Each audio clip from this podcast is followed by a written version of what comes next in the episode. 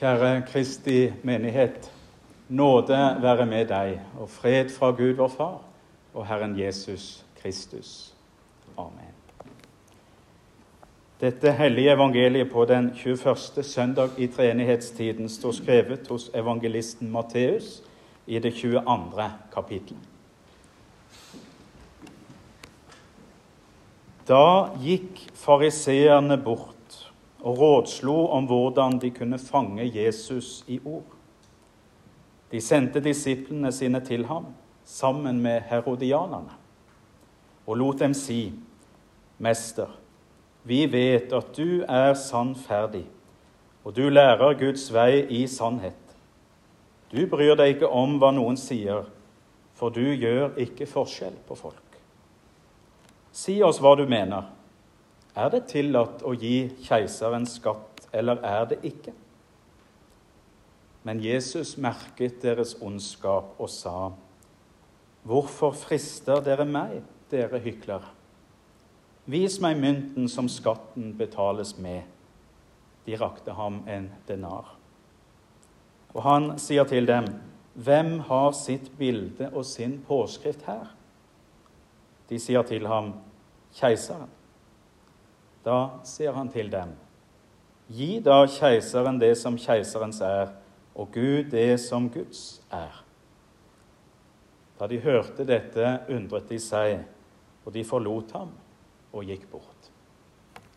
Slik lyder det hellige evangelium. La oss be. Hellige Far, dette var ordet ditt til oss. Hellige oss i sannheten. Ditt ord er sannhet. Amen.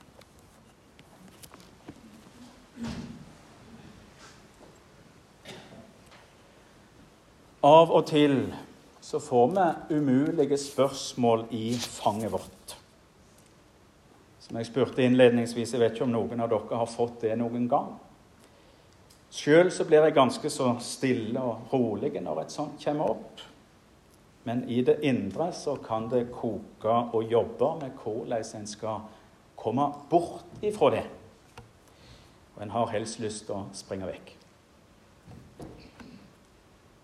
En gjeng som er glad i umulige spørsmål, det er journalister. De er glad i umulige spørsmål, og det kan bli gale uansett hva du svarer. Det har jeg òg dessverre litt erfaring med.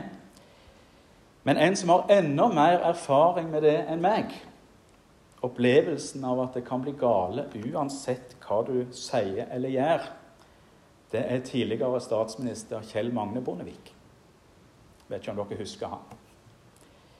Han kunne òg oppleve det som krevende å bli intervjua av pressen og få umulige spørsmål. Og Dette resulterte i at Bondevik en gang sa et ganske kjent sitat.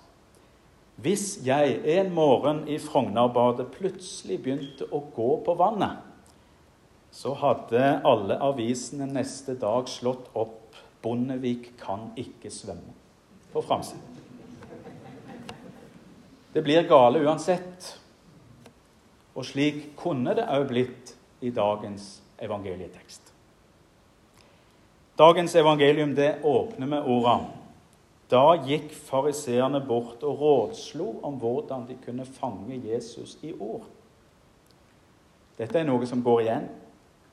Det er noen som ikke vil Jesus vel. Da de ser at hans ord og lære de har en annen agenda enn det de sjøl har. Derfor er det om å gjøre å få satt en stopper for Jesus. Og eh, helst ved å avsløre han på et eller annet vis, så de ser at eh, han er ikke den han sier han er. Eller som de prøver på her, å fange han i ord, så han ikke kan klare å forklare seg vekk. Særlig er det fariseerne som står i bresjen for dette prosjektet. Men det er òg andre grupperinger i dåtidas Israel som har lite til overs for Jesus. Og Nå er det to grupperinger som slår seg sammen. De står ganske langt ifra hverandre rent politisk, men de slår seg sammen i et forsøk på å ta Jesus. Fariseerne slår seg sammen med det vår bibel kaller for herodianerne. Og Herodianerne de kjenner vi ikke veldig godt, men det var ei gruppering som en regner med, iallfall etter navnet å dømme, som sto for en politik, politikk som støtter opp under Herodes-dynastiet og dette, dette sitt samarbeid med den romerske okkupasjonsmakta. Slik sett er de på sida, eller på motsatt side av fariserene, som har et mer nasjonalistisk holdning. Men begge disse grupperingene de legger disse tankene til sides, da det virker som de har funnet seg en enda større felles fiende. Og som vi kanskje kjenner fra det virkelige livet, både personlig eller i politikken eller internasjonalt, så kan det å ha en felles fiende skape uvante vennskap og allianser. Slik var det for meg når jeg gikk på skolen. Da hadde vi en felles fiende eksamen. Og det skapte uvante vennskap i eh, skoleflokken. Så det har du på litt mindre nivå. Norsk lokalpolitikk kan jo òg være et glimrende eksempel på dette om enn i mindre alvorlig skala. Da. Og innunder her så er det kanskje bergenspolitikken som eh, står i sin egen særklasse. Hvor nei kan bli til ja, og ja kan bli til nei, så lenge en slipper at Bybanen går over Bryggen. Jeg skjønner at dere òg har fått det med dere her borte. Gamle fiender kan og kunne bli venner om en bare fikk seg en felles fiende. For fariseerne var Jesus en trussel, for herodianerne likeså. Derfor slår disse gruppene seg sammen i et forsøk på å få satt en stopper for Jesus. Og Luther han skriver i sin preken over denne teksten med glatte ord prøver de å bli kvitt han, eller sette han fast i ord. Mester, vi vet at du er sannferdig, og du lærer Guds vei i sannhet. Du bryr deg ikke om hva noen sier, for du gjør ikke forskjell på folk. Si oss hva du mener. Er det tillatt å gi keiseren skatt, eller er det ikke? Mester. De prøver å innynde seg ved å late som om de ser på han som deres mester eller deres rabbi. De later som om de er hans disipler. De prøver seg på smigerens nokså ekle vei og håper at det kan føre Jesus ut av det. Og at det kunne føre Jesus ut i den velkjente salaten. Ja, de må nok ha trodd at nå, nå har vi Jesus. For her står Jesus overfor ei skikkelig nøtt. Er det tillatt å gi keiseren skatt, eller er det det ikke? De har stilt et umulig spørsmål til Jesus. Et spørsmål som er langt fra noe sikkert eller trygt samtaletema på Jesu tid. Svarer Jesus feil, så har de han. Svarer han ja, så har fariserene noe å ta ham på. Svarer han nei, så har herodianerne noe å ta ham på. Det blir gale uansett. Er det tillatt å gi keiseren skatt, eller er det ikke? Svarer Jesus ja, så står fariserene klare til å ta han. Da vil de kunne si ja vel, men da er du en vranglærer og slett ikke noe Messias. For da står du i strid med Moseloven. Da er du en kjetter og skyldig til dom og straff. Er det tillatt å gi keiseren skatt, eller er det ikke? Svarer Jesus nei, så står herodianerne klare til å ta ham.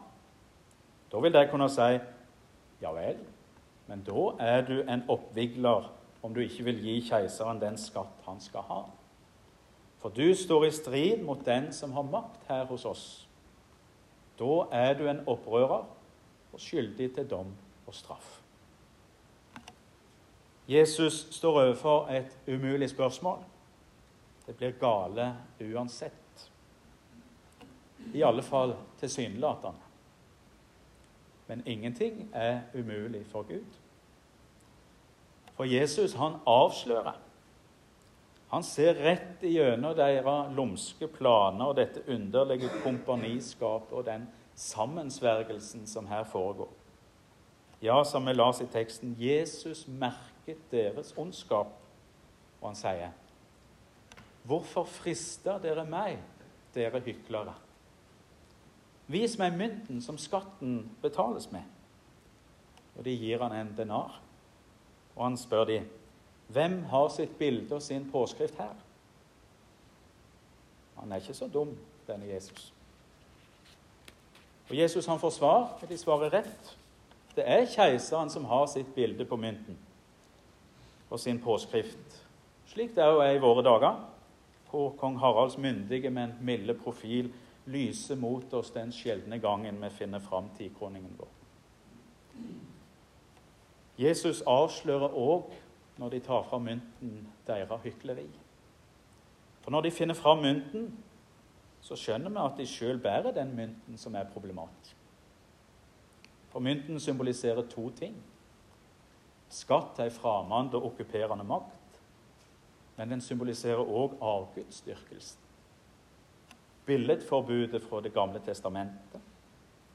For keiseren er avbilda på mynten og står fram på mynten, om ikke som en gud, men i alle fall som noe guddommelig. Nok en gang avslører Jesus på mange måter disse. Og så svarer Jesus, 'Gi da keiseren det som keiserens er.' Og Gud det som Guds er. Og Her får vi høre hva som er den kristne sitt forhold til staten og til myndighetene. Men Jesus sier med disse ord vel så mye om den kristne sitt forhold til Gud. For ja, Jesus sier vi skal betale skatt til keisermakta, eller til myndighetene i vårt tilfelle. Og Etter grunntekstens valg av ord her så kan det se ut for at Jesus mener at vi skal betale tilbake til statsmakten det vi skylder, slik vi også hørte noe om i Romerbrevet. For statsmakta er en av de måter Gud styrer verden på. Gjennom det verdslige eller borgerlige regiment, som det heter i teologien. Og I dette verdslige regiment styrer han ved sverdet, den politiske makta og med de maktmiddel som her er. Og Det er noe av dette Paulus greier ut for oss i epistelteksten fra Romerbrevet kapittel 13, der vi las hver og en skal underordne seg de myndigheter han har over seg. For det er ikke øvrighet utenom Gud, men de som finnes, er innsatt av Gud. Den som setter seg opp mot øvrigheten, står Guds ordning imot. Men de som står imot, skal få sin dom. Og da er det en viktig sak. Jeg vil si avgjørende sak. Noe av det som vers 3 hos Paulus kan vise oss i epistelteksten. For de som styrer, er ikke til skrekk for dem som gjør godt, men for dem som gjør ondt. Vil du slippe å være redd for øvrigheten, så gjør det gode. Da skal du få ros av den. Og Da kan vi kanskje skjønne at Paulus han snakker ikke om hva slags som helst stat og øvrighet her. Det er ikke snakk om blind underkastelse for en hvilken som helst statsmakt. Paulus han taler om myndigheter som representerer en rettsstat, en stat som fremmer det gode og hindrer det vonde. Altså er det tvingende grunn til at de kristne bør lyde øvrighetene og lovene sine bare ikke når de gir påbud om å synde, for da bør de lyde Gud mer enn mennesker. Kan vi lese i vårt bekjennelsesskrift Confessio Augustana i kapittel, artikkel 16 om vårt forhold til staten og de borgerlige plikter. Denne artikkelen fra reformatorene den viser til apostelgjerningene 5, hvor Peter og apostlene står for Det høye råd. Og de får tydelig beskjed. Vi ga dere streng befaling om at dere ikke skulle lære i dette navn, altså Jesu navn. Og se, dere har fylt Jerusalem med deres lære og vil føre dette menneskets blod over oss. Men Peter og apostlene svarer like tydelig tilbake. En skal lyde Gud mer enn mennesker. For vi skal gi Gud det som Guds er. Det er noe som er Guds eget, og ikke statens. Ja, staten skal ha noe av oss. Våre penger, vår lojalitet, vår lydighet innenfor en rekke områder. Men ikke mer enn det. Gud, han skal derimot ha oss, våre hjerter, vårt innerste. Vi kan ikke kjøpe oss fri fra Gud med kollekt og kirkeskatt. Nei, Gud skal ha det som Guds er. For slik mynten bærer keiseren eller kong Haralds bilde og innskrift, slik bærer vi mennesker Guds bilde. Og den som er døpt, bærer krosstegnet over seg som ei innskrift. Dette som et tegn på at vi er skapt av den levende Gud og døpt til Hans treenige navn. Vi er Hans barn og Hans eiendom. Slik skaperverket er det, som salmisten synger i Salme 95. For Herren er en stor Gud, en stor konge over alle guder. Han har jordens dyp i sin hånd, og fjelltoppene tilhører ham. Det er han som eier havet, for han har skapt det. Det tørre land har hans hender formet. Du hører til hos Gud. Du hører til Gud, skapt i hans bilde, døpt til hans eget navn, til Faderens, Sønnens og Den hellige ånds navn. Og Kristus er din Herre. Ja, ikke bare din frelser, men også din Herre og Konge. Derfor skylder du han deg sjøl. Sjølsagt. For han er den som har gitt oss alt, gitt oss livet da han døde og sto opp for deg på korsets tre, så vi kunne få være med Gud som hans elska barn og hans egen eiendom. Salig er det folket som har Herren til sin Gud, det folket han har utvalgt til sin eiendom, synger salmisten i Salme 33. Gi derfor tilbake til Gud det som er hans, altså deg sjøl. Gi deg over i hans hender, så han kan få være din Herre og din Gud og din Frelser. For han er det. Du er hans. Gi han ære. Gi han dine synder. Vis han din tillit. Hold deg til hans bud. Elsk Gud og elsk din neste som deg sjøl. Takk og tilbe den høyeste majestet for det du har fått. Det du har fått for intet, og som du nå skal gi videre for intet. Jesus sier, 'Gi da keiseren det som keiserens er, og Gud det som Guds er'. Apostelen han skriver i sitt brev, 'Vi har vårt hjemland i himmelen'. Derfra venter vi også Herren Jesus Kristus som frelser. Som kristne lever vi med et dobbelt statsborgerskap. Det verslige og det himmelske. Jeg hadde nesten sagt med norsk pass og med dåpsattest. Livene våre de lever vi her på jord. I hverdagslivet, i det samfunnet og det fellesskapet hvor vi er blitt satt. Med de øvrigheter vi har blitt gitt. De vi kanskje setter pris på, eller kanskje vi ikke setter så pris på de alt etter hva de gjør. Og så har vi Jesus som Herre. Han som sier 'gi keiseren det som keiserens er, og Guds det som Guds er'. Går dette i hop? Dette både og-livet med å gi keiseren det han skal ha, og Gud det han skal ha? Ja, det lar seg gjøre all den tid vi har myndigheter eller keisere som holder seg innenfor sitt felt, og som ikke krever av oss det som er Guds. Det fins tilfeller både nå og i historien hvor statsmakten har krevd mer av oss enn den skulle og kunne. Ja, det fins myndigheter som krever avgudsdyrkelse. og som krever at vi skal følge lover som er i strid med Guds hellige lov. Eksemplene på dette er mange. Et av de beste er under krigen. Nazistyret og Hitlers egen kult, så å si. Og til og med kirka ble brukt som redskap for å fremme det demoniske og antikristne. I møte med dette sa Den sanne kirka ifra. Og I Norge hadde vi dokumentet Kirkens grunn, som de aller fleste prester i Norge stilte seg bak. Hvor en tydelig sa ifra om at dette går mot Guds lov. Og Her sa en bl.a.: Derfor bekjenner vi at det er synd mot Gud, som er alle ordningers herre og overøvrighet. Om det ene slags regimentet søker å oppkaste seg til herre over det andre. Kirken har ikke noe med å være herre over staten i timelige ting. Dette ville være brudd på Guds ordning.